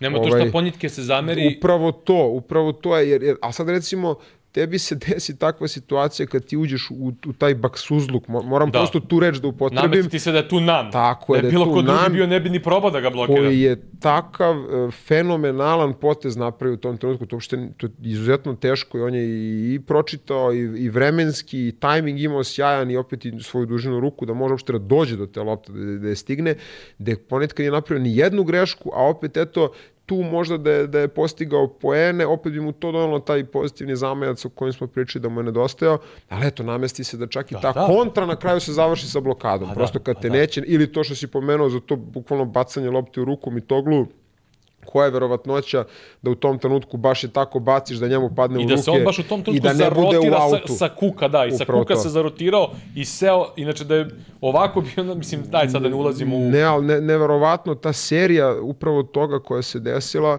ovaj, je, je svaka, svaki od tih detalja i svaki od tih momenta je uticao kako na ponitku i njegovo samopouzdanje, tako i na momentum Partizana mm -hmm. u mhm. samoj utakmici. Jeste, jeste. Partizan je dosta da, dobri stvari defanzivno odradio. Bio koncentrisan za brojne detalje. Recimo, konkretno, šta je meni upalo u oko, uh, kako je Partizan protiv Slukasa igrao. Uh, prvo praćenje Slukasa ono iz pika, drugo on late switch situacije, uh, jer Slukas je poznat po onim ajde da kažemo Steve Nash move ili onaj grecki move kako su ga zvali, da ono, tribra dribla, zadržava dribling, ide po i napravi krug. Partizan ili ako uspevao njegov primarni uh, čuvar da, da ostane, ostajao je. Ako je bilo potreba da rade late switch, ra, switch radili su late switch i uh, vrlo redko se dešavalo da Slukas uspe do kraja da probije da završi ili da napravi neku kreaciju, čak je Partizan utarao u, ne znam, 4-5 izgubljenih lopti. Yes.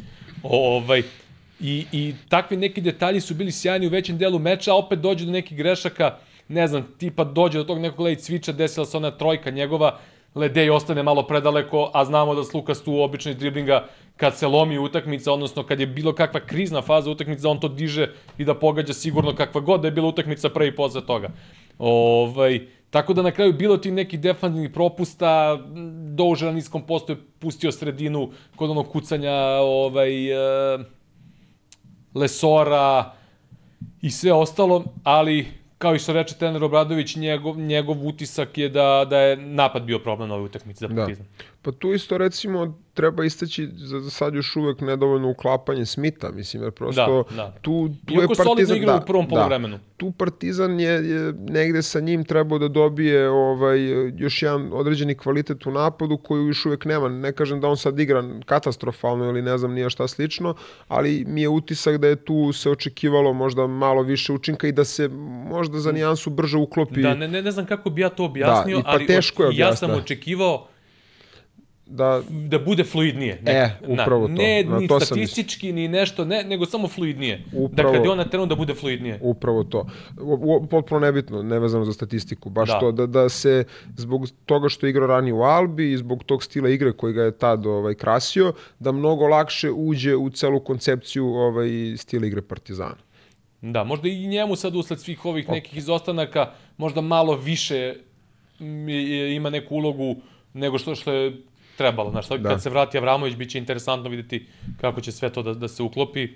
Ovaj, um, na kraju, uh, ne znam, možda je zaista i ono zakucavanje Lesora na kraju treće četvrtine negde promenilo momentum utakmice i to je neki detalj ono gde su neke sitnice, a to dovelo od toga da je Lesor praktično 9 metara krenuo 1 na 1 ovaj, i zakucao na da. kraju i sve ostalo, znaš, nemam pojma. Moguće da je to ta situacija, onda prva, prva tri napada, dva puta Pao iznudi neka slobodna bacanja koje su tu i tamo, ono posebno Nanovu u kontri sa Smajlagićem i, da. ovaj, i tu je utakmica već negde otišla Jest. u nekom smeru Panta Nikosa, ne u smislu da su je prelomili, nego da su dobili neki zam, zamajac, a Partizan je krenuo malo da, da, da počne da juri, da stigne to i da, da, da greši usled pa, toga. Promenila se utakmica u odnosu na ovo što smo rekli u trećoj četvrtini da je bilo udarac za udarac. U četvrtoj četvrtini je već odmah, odmah na početku je Panathinaikos uspeo da napravi mini seriju, to, upravo to nije serija koja je rešila utakmicu, ali je bila korak važan ka prebacivanju kontrole utakmice iz egala u kontrolu Panathinaikosa. Ali tu je sad ima istorstvo Nana, na, mislim, prosto on zna tu da iznudi kontakt, jest, zna, jest. zaista i on generalno, eto, nema I neki spektakularan... I Slukas. Jest. Nema spektakularan statistički učinak Nanu Panathinaikosu, a opet se osjeća i tekako Tako je, jer je, ne, već smo to pomenjali, mislim da se ne pa ponavljamo, da. koliko je to... lako skliznuo u, u ceo... Celu priču Euroligi, da, da. da, e, I kako uspeva da doprinosi sa tim sitnim stvarima koje su obično karakteristične za ili evropske igrače ili za igrače američke koji, koji su, su duže. Dugo, dugo u Evropi, u Evropi. Da. Ne, on je prosto, eto recimo ta blokada na, na, na Ponitki je najbolji pokazatelj koliko je on u stvari ušao u priču na, na pravi Celu način. Celu priču koliko zapravo osjeća utakmicu. Jeste, jeste. To je jako bitan trenutak trenutak bio. I onda on prosto zna da izvuče te momente i ono što isto kvalitet koji nisam očekivao, zna i da se skloni. Znači da, da prosto... Da prepusti, da. Tako je, znači da ne ulazi u neke forsaže, u neke situacije da on mora da reši, nego prosto i da ostvari mogućnosti za Slukasa, I recimo što imaju oni tu taj trenutak sa Grantom gde, gde je trener Ataman uspeo da napravi od njega igrača uloge koji onako koliko treba, kad treba, šta treba, tu je.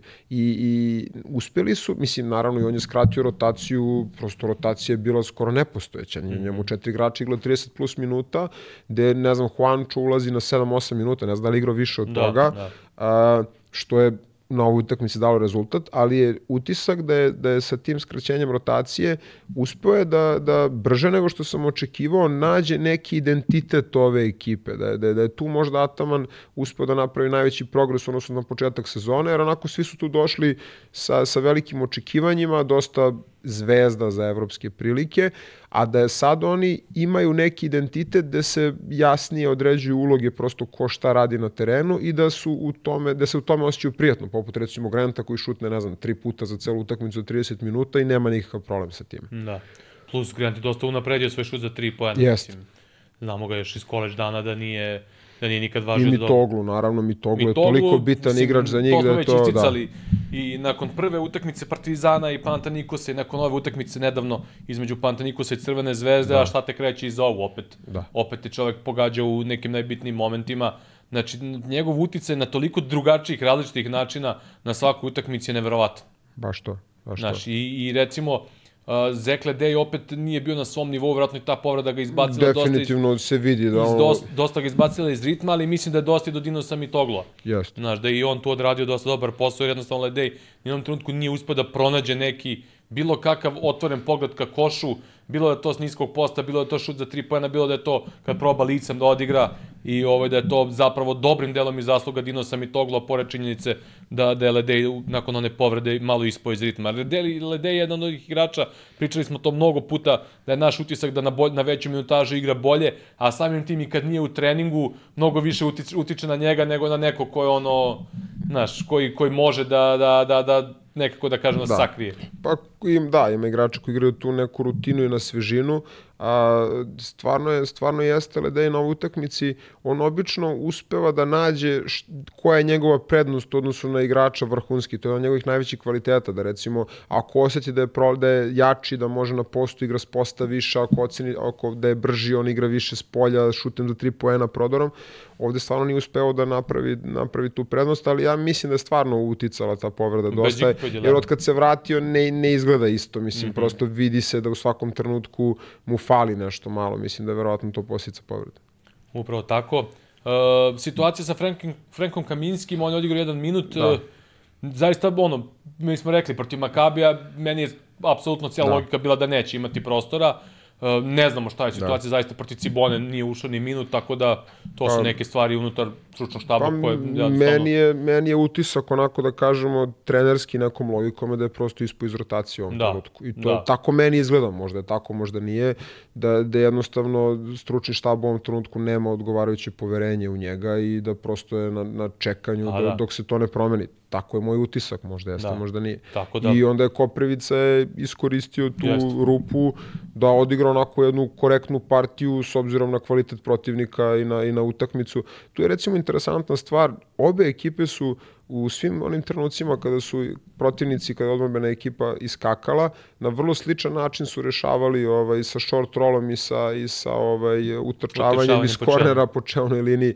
Da. I bukvalno je bilo kao ogledalo u tim trenucima jedna i druga ekipa na skoro identičan način, recimo pogotovo je Ponitka fenomenalan u tim utrčavanjima u pravom trenutku, ali su obe ekipe igrane, ima bilo to fenomenalno kucanje uh, Koprivice, koje opet bilo iz te situacije, iz tog kratkog rola, čitanja, otvaranja išao. pozicije uh, i bilo je i, i proigravanja, ali interesantno mi je baš to što su obe ekipe rešavale na, na sličan način te, te sitne taktičke detalje.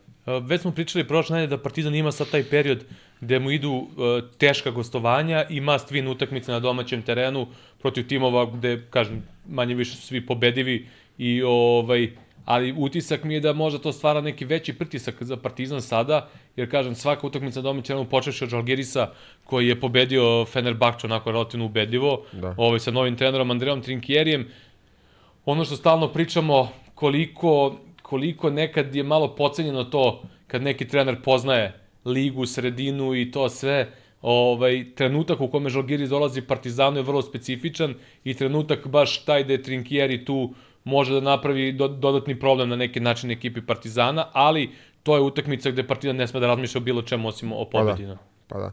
Pa ulazimo posebno, generalno u taj posebno, period sezone. Posebno izvini što sad dolazi uh, ta utakmica sa Megom koja će imati taj neki, da kažemo, emotivni karakter uh, zbog cele situacije sa, ovaj, koja se dogodila. a odmah nakon toga, dakle, sledi ta utakmica sa Žalgirisom, pa, pa večiti derbi u ABA ligi. Da. Pa prosto ulazimo u taj period u sezoni, pogotovo što ni Partizan ni Zvezda nemaju neku zalihu u pobedama koja im omogućava više lufta, gde pogotovo na domaćem terenu su skoro sve utakmice, ako ne must win, ali onda bar da, da je jako, jako bitno da se pobeđuje. E, dobro. Šta, šta nam je još ostalo? Imali smo dosta interesantnih pitanja uh, i u ovoj epizodi, odnosno prethodnoj epizodi, možda iz nekih ranijih, možda možda je sad to prilika da, da, da odgovorimo na ta neka pitanja. Šta smo izvukli, Beše? Pa, vezano e, za statistiku za, e, i to, za, da, bravo. znam da si ti, rekao Jest. si mi da si pitao ovaj, da si se raspitao na, na, na pravim adresama za, za taj odgovor, vezano za Jesam, beleženje da statistike, da nađem... ko sedi za zapisničkim stolom da, i kako buk... ceo taj sistem funkcioniše. Da, da, ponovi samo još jednom celo pitanje kako ja nađem, tačno zato što hoću da, bukvalno ću da pročitam sve da ne bi nešto ja pogrešno interpretirao, ovaj, ali mi je... Uh, tamo ću se odmah pre nego što krenemo nadovezati na još jedno ono pitanje, odnosno jednu kritiku, uh, pozitivnu kritiku našeg, uh, našeg gledalca, ovaj, uh, kad kažem pozitivnu kritiku, mislim da je s pozitivnom namerom bila, ali mislim da nije ni gledalac dobro shvatio, odnosno bar ono što je napisao nije do, naveo dobar primer. E, na konto toga, on je smatrao da mi kažemo često da publika ne razume ili da, ne znam, gledalci ne razumeju, E, ne kažemo mi to, nego kažemo da nekad ne obrate pažnju, da nekad, što je potpuno i normalno za publiku, ne treba ni da, da, da obraća pažnju na te neke detalje, jer su ljudi jednostavno navijači, gledaju na drugi način utakmicu, e, tako da nije to bilo u tom smislu, nego jednostavno ljudi bukvalno ne obrate pažnju na neke detalje, jer nema potrebe. E sad, zašto to kažem? E, evo recimo ovo naše pitanje i cela poenta našeg podcasta, što smo stalno pozivali naše gledoce na, na komentare, na, na, na, na neke ideje i sve ostalo, da razmenimo mišljenja i da možda jedni drugima otvorimo oči. Evo, bukvalno ovo pitanje našeg gledoca je o, taj najbolji pokazatelj, gde, evo, čak i ja koji sam u tom poslu tolike godine, gde bukvalno od live statistike živim, a vrlo površno sam gledao na taj detalj, nikad mi nije palo na pamet da dublje istražim ovaj, kako to sve funkcioniše. Znao sam samo neke ono površne stvari i nikad mi to nije palo na pamet da istražim dok naš gledalac nije postio pitanje i na neki način uh, ovaj, me naterao da, da, da saznam kako to sve funkcioniše, tako da se zahvaljujem još jednom na tom sjajnom pitanju i zapravo možemo mi da kažemo, evo, podcasteri nekad ne, ne, ne, ne, pa, ne razumeju, ne, ne da. razumeju, nego jednostavno obraćaju pa, naš. Pa bilo je i drugo pitanje vezano za, za namernu i nesportsku ličnu e, da. i za tu semantiku. Ovo, meni nikad nije problem da, da, da priznam kad nešto nisam siguran ili kad nešto ne znam. Pa ja koliko znam. A, mi smo ono od početka... Dugo je nesportska, dugo se smatra nesportskom. Pa da. Već a, IHH.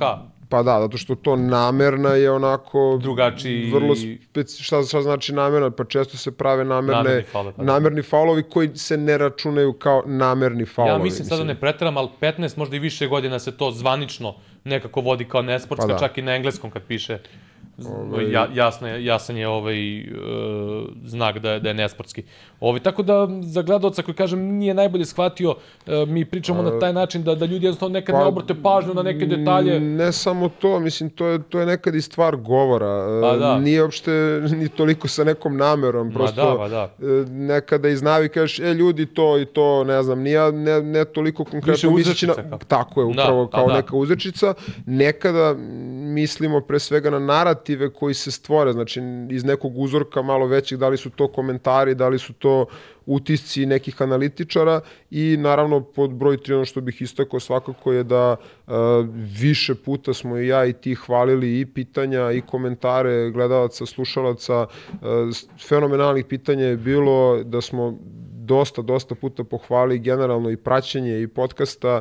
I sad je recimo bilo, eto, ne znam, jedan gledalac je primetio kako govorimo stalno trener, ovaj, mm -hmm. pre mhm. nego što kažemo prezime, a, još drugih detalja, toliko puta smo pohvalili da zaista moram da istaknem da ovaj, ja nikako, nikako ne smatram ni publiku, a pogotovo Ma, ne naše gledalci i slušalce glupim. Ali kažem, naj, naj, da. to, mi je, to mi je baš bitno da istaknem, jest, zato jest. što, jer da to mislim, ne bih hvalio, zašto bih pa onda, da. te dve stvari mislim, su potpuno kraju, kontradiktorne. Na, na, na ovom primaju se najbolje to videlo, da eto ja koji ba, se bavim tim poslom nikad da nisam razmišljao o tome, kažem ti dve stvari koje su mi najbitnije da imam za svaki prenos, e, live statistika i, i voda. Da. Ono, fla, flašu vode da imam i live statistiku i bez toga, ne, ono, bez te dve stvari ne mogu da radim prenos.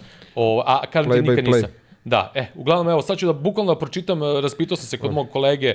Ovaj... Što pročitam pitanje, našao sam ili... Ajde, pročitaj pitanje najbolje, a, tako da. Da, od Čavija Paskvala i već da, smo imali uvek, ranije sjajna uvek pitanja. sjajna pitanja, da. A, da li možete da nam pojasnite kako funkcioniše obrada statistike u zagradi box score, play by play, pogotovo u NBA zbog tempa, verovatnoća greške, kao i uticaj na ove ostale stvari, ko su ljudi koji sede za zapisničkim stolom, koja je njihova profesija, kao i uloga zadaci istih. Dobro, ja sam odmah to e, pitao moj kolegu Ogija koji radi između ostalog i taj posao i radi na utakmicama Evrolige i ABA lige i na svim ostalim nivoima, tako da ću, bukvalno ću pročitati njegovu poruku da ne bi nešto ja sad tu zapust, e, propustio.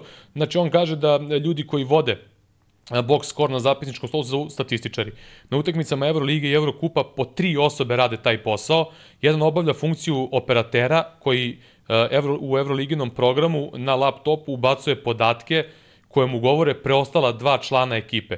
Ta dva preostala člana ekipe se zovu koleri, i uh, oni uh, bukvalno pričaju operateru šta se dešava na terenu od poena, skokova, asistencija i svih ostalih stvari koje se nalaze na oficijalnom box, box scoru na sajtu lige. Uglavnom je dinamika takva da jedan koler priča, a drugi u pripravnosti da pripomogne ako je prvi koler nesiguran kod neke odluke ili je pogrešio sa rezonovanjem iste. Pored te ekipe koja sedi na zapisničkom stolu, u sprovođenju statistike učestvuje i Euroligin supervisor, koji prati utakmicu preko snimka i kontroliše play by play i kad god uoči neku grešku javlja ekipi na zapisničkom stolu da isto ispravi. Što se tiče drugih liga, uh, ABA, samo sekund, da scrollujem, znači ABA, FIBA, Liga šampiona, KLS, nižih rangova, mlađih kategorija i tako dalje, uh, to rade uh, tu rade dve osobe statistiku, dakle po jedan operator i koler, tu nema supervizora, ali uvek postoji live snimak ili na YouTube-u ili ako se utakmica prenosi preko televizije kako bi statističar mogao da proveri ako nije siguran kod neke situacije.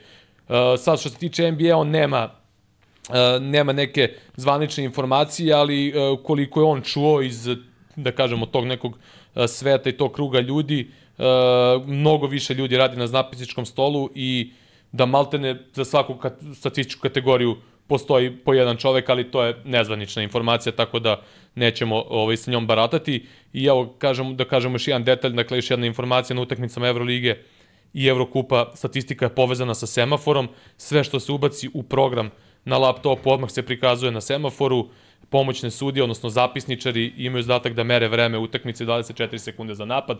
Ja bih još samo na to dodao da je sve to povezano automatski i sa grafikom na televiziji ovaj, kad su utakmice Evrolige u pitanju i to sve što vidite najče u live, statistici i uh, u grafici u direktnom prenosu, to je sve povezano. Eto, ovaj, tako da nadam se da smo, da smo uz pomoć mog kolege Ogija uspeli da, da našim gledalcima približimo malo ceo taj proces koji nije jednostavan, a i tekako je bitan za, za praćenje utakmica. Pa kako nije bitan? Mislim, bitan je i vamo i vezano i za Synergy i za sve ostale mm -hmm. stvari koje se rade, zato što je play by play u direktnoj, zvanični play by play koji se radi na utakmicama, kako Evrolige, tako i college košarke NBA-a, je u direktnoj korelaciji sa stvarima koje se loguju prosto, jel? E, ovaj, ja, da, da. I, i odmah sad imali smo jedno od prethodnih ranijih epizoda pitanje je vezano za Synergy. Da. Možda je bolje da, da ti objasniš čisto onako u par nekih crta kako funkcioniše uh, Synergy, ovaj, odnosno logovanje na Synergy. Ne, ne ono detalja, ali da. jednostavno da. kako, kako, ko je to proces. Ja mogu da kažem iz nekog ugla korisnika da vi možete da nađete brojne podatke, tendencije ekipa, tendencije igrača, da imate iseckane uh, sve videoklipove, ne znam, uzmete sad, ne znam, Kendrick Nunn, pick and roll, ball handler, pa onda da. iz lista pored statistika koje dobijete, dobijete sve sitne klipove, možete da vidite kako on reaguje u tim situacijama i tako bukvalno za svaku situaciju na terenu. E sad da ne ulazimo baš u detalje koje da. sve situacije se vrednuju, odnosno prate, čisto je to ako da. možete još malo taj ceo proces logovanja uz da. napomenu da postoje dve vrste logera, oni koji seku utakmice, koji se prave samo da seku i one koji e, cele te situacije loguju u smislu šta je šta. Pa da, on, ono što je bitno da se nadovežemo odmah na to pitanje vezano za beleženje statistike jeste ta, ta korelacija sa play-by-playem koja je izuzetno mm -hmm. važna zato što a, se sve stvari koje se loguju i sve situacije koje se loguju direktno vezuju za sam play-by-play i onda prosto je nemoguće da se kasnije imaju a, kvalitetni statistički podaci precizni ako je negde zatajalo na tom ovaj na tom putu između play-by-playa i onoga što se loguje u okviru sinerđija recimo isto tako može da se istakne i da za određeni broj utakmica pogotovo koje se vezuju za a, ove AAU turnire mm -hmm. u Americi da tu čak i play by play se radi preko Synergy, znači jer tu nema tih ljudi koji rade uživo ovaj play by play, onda kasnije mora to da se pokrije ovaj direktno u Synergy situacije koje se loguju su uvek ovaj vezane, to sam već pomenuo, ja mislim onaj put kada smo pričali za a, krajeve napada, znači ne postoji statistika barem ne u okviru Synergy koja beleži koliko puta ukupno određena ekipa na utakmici odigrala pick and roll, nego samo one situacije koje su se završile završetkom poseda iz poslednje stvari koja je bila pick and roll. A, tako da, taj broj podataka u poslednjih par godina su oni menjali taj korisnički interfejs, to je sada već neka malo, malo drugačije to sada izgleda, ubacili neke nove parametre, recimo, ne znam, synergy shot quality, koliko je to plus minus u odnosu na neka očekivanja, određene a, rangove. To je, onaj, to je zapravo da. ono ko što je u futbolu expected goals. Da, da, uh, da. Odnosno, zna se otprilike po pozicijama u futbolu, pričam konkretno za futbol, u odnosu na pozicije s kojih se šutira uh, ka golu, uh, pa se na osnovu toga proračunava šta je 100% šansa, šta je malo manje od 100% šanse, plus naravno okolnosti na terenu i onda se tako meri taj expected goals. Jest. Oni koji prate futbol znaju ono, da. ovaj, šta, šta, šta je, o čemu pričam, a vidim da je u košarci sad to počelo da se pa, sve više da, koristi. Još uvek, da, još uvek to nije neki parametar koji koriste toliko timovi i ekipe, ali je nešto što je počelo da se koriste. Recimo, su su počeli da, da ubacuju te uh, opisne overale, ne, ne znam kako bih to nazvao, ono, svi koji, koji igraju igrice prosto znaju na što mislim kad kažu, ne znam, ovaj ima 88 overala, ovaj ima 75, ovaj ima ne znam koliko, počeli su čak imaju i tu kategoriju da -hmm. recimo u okviru te lige, kada se gleda određeni igrač, uh, ranguju ga tako ovaj, uh, prema ostalima i recimo neke opisne karakteristike u odnosu na akcije u kojima učestvuje koje završava, ne znam, ja, ono, playmaking big ili tako dalje, što ranije nije bilo. To su sve neke inovacije na tom, na tom polju, s tim što te statistički parametri koji se beleže su ostali isti, mislim, godinama. I kažem, ali to je tema koja ovaj, onako iziskuje možda malo više vremena malo da više o tome vremena, pričamo. Da. i eto recimo pa, koliko bude interesovalo nešto konkretno nekoga da. gledalca, ali ovo što ti rekao to jeste suština, uh, najveća prednost tog sistema je ovaj u tome uh, svaka ekipa recimo beleže neki svoj način statistiku, ali uh, količina podataka i mogućnost da se vraćaš, ne znam, 10-15 godina unazad i da izločiš sve ono što te interesuje određenog igrača u tim utakmicama je nešto što je velika prednost tog sistema i što omogućuje trenerima, ekipama da se bolje pripreme ili kad su pojačanja u pitanju, ali i utakmice koje treba da igraju. Da, ima dosta sad tih nekih platformi koje se bave statistikom jeste, jeste, od Instata pa nadalje. Naravno NBA eh, koji je sa Sport View tehnologijom onako baš napravio jedan iskorak i ne samo sa tom. To je bilo pitanje, izvini, ako hoćeš da se dođeš, odakle informacija da se Partizan najbolje e, kreće bez bravo, lopte. Bravo, bravo, odlično, e. to je bilo pitanje, da sam ja pominjao uh, za, za Partizanove te takozvane relokacije, odnosno kretanje bez lopte. Uh, to nije bazirano na nikakvim statističkim, da. odnosno, to je jednostavno lični utisak. Ja sam razgovarao sa brojnim trenerima uh, ovaj, na, na tu temu i svi imaju taj utisak da, ali da je to zapravo kao da. posljedica sistema igre Željka Obradovića i da generalno njegovi timovi, odnosno da se igrači kad kažemo kreću bez lopte, tu se ne misli ono kao u futbalu u smislu koliko je kilometara pretrča da. i tako do, nego e, bukvalno ja sam to napomenuo u prošloj epizodi kad sam spomenuo taj detalj, e, zapravo kako se igrači pomeraju, kako prave spacing, kako prave respacing, e, koja je razdaljena između dva igrača u svakom trenutku u odnosu na loptu, na ugao lopte, jednostavno na, na, to, na tu vrstu pomeranja se misli ili ne znam, tipa, ako ovaj jedan igrač probije, gde se ovaj pomera i tako dalje i tako dalje. Dakle, e, na, na to sam mislio kad, kad smo pominjali te relokacije i da zbog toga, mislim, generalno to, to, tokom prošle sezone onako dosta trenera je to komentarisalo kako je Partizan u tom nekom segmentu pa da. relokacija igrao možda najbolje u Evropi. Ja da znam, ne postoji ovaj softver koji to beleži ne. na Euroligi. Red SportView to Sport radi za, za, za NBA. NBA. Da, da SportView u NBA-u ima taj sistem kamera koji je ugrađen u svim dvoranama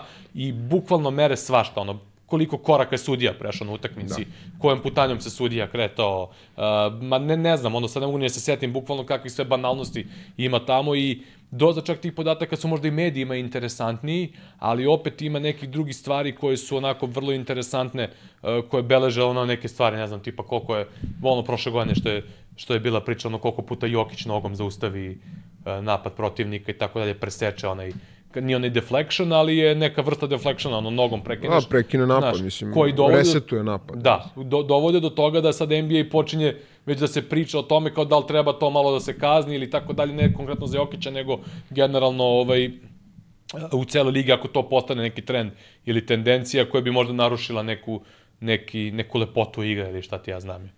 Tako da dobro si setio tog pitanja, da, to, to sam skroz zaboravio, ovaj, bilo je vrlo interesantno, to nadam se da smo razjasnili.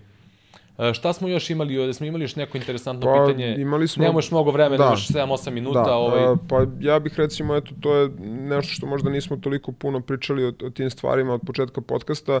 Recimo, Franz Wagner je bio gost u podcastu kod JJ Redika i pričali su o razvoju igrača i o tome kako razlike između naravno Amerike i Evrope, jer je on baš aktuelan trenutno mm -hmm. igrač, ovaj, popularan u NBA-u i plus imao to zlato sad ovo, nažalost, protiv nas baš ali ovaj i recimo pričaju stvari meni je to fascinantno zato što se oduševljavao se JJ Redick i to je sad kao nešto što je neverovatno a, a priča je toliko banalna mislim po znacima navodnika i prosta da na nivou naše zemlje, ja bukvalno e, ne znam klubu kojem se ne trenira ne tako. Ne trenira to, da. To... Prvo, zato što su i pravila takva. Znači, on je pomenuo kako do 15. godine nikad nije igrao pick and roll, mm -hmm. kako je igrao sa starijima, trenirao, kako je sa 16 godina uvršten u seniorsku ekipu. Uh, I da, i ono što je isto bitno, kako igraju nekada i bez driblinga 5 na 5. Da, da, da. Uh, to sad, znači, ja sad... Da, bukvalno se vratimo na, na ovo što smo pričali na početku naše emisije vezano za i za Beovuk i za generalno te neke juniorske ovaj, sisteme kod nas. I, ja, I meni to isto tako bilo, znaš, ono, gledam i kao, znaš, oduševljavaju se time. na svetu. Najnormalnija stvar da igramo 5 na 5 bez driblinga. Dan danas, pa mislim, moja ekipa i, dan danas to radi, tako, tako treniramo često, relativno tako često. I, ovaj. I cela ona situacija, sećamo ono, mi kad smo bili klinci u kadetima i to, znači, ono, i dan danas mi odzvanjuju ono reči trenera, Uh, dodaj, utrči, popuni. Dodaj, utrči, popuni. Znaš, to, to, to. i, i to, to je bukvalno ono. I to je taj neki sistem i krećeš se, naučiš kako da se krećeš, da ide pas, da ide pas i ovaj, jednostavno pot, potpuno neki normalni sistemi. Znaš, ono. Upravo I tek onda posle smo u nekim juniorskim trenucima počeli da neke sisteme da tipa flex napad, ono što smo pričali u jednoj od nekih prethodnih epizoda, ovaj, Znaš, onda polako kreće pick and roll i pick and roll tad, na, u tom periodu da. košarke nije pick and roll bio kao ovo danas, ovaj spread pick and roll gde svih pet igrača učestvuju, nego je bilo klasična ona igra kao 2 na 2, čisto se napravi neka inicijalna prednost, pa odatle je bila ono malo veća improvizacija, ovaj, sada to već baš su ozbiljni sistemi kada je pick roll u pitanju. Jest. Pa mislim, prosto nama su i pravila takva u našoj košarci da do, do uzrasta kadeta je nemoguće igrati pick and roll, tako da...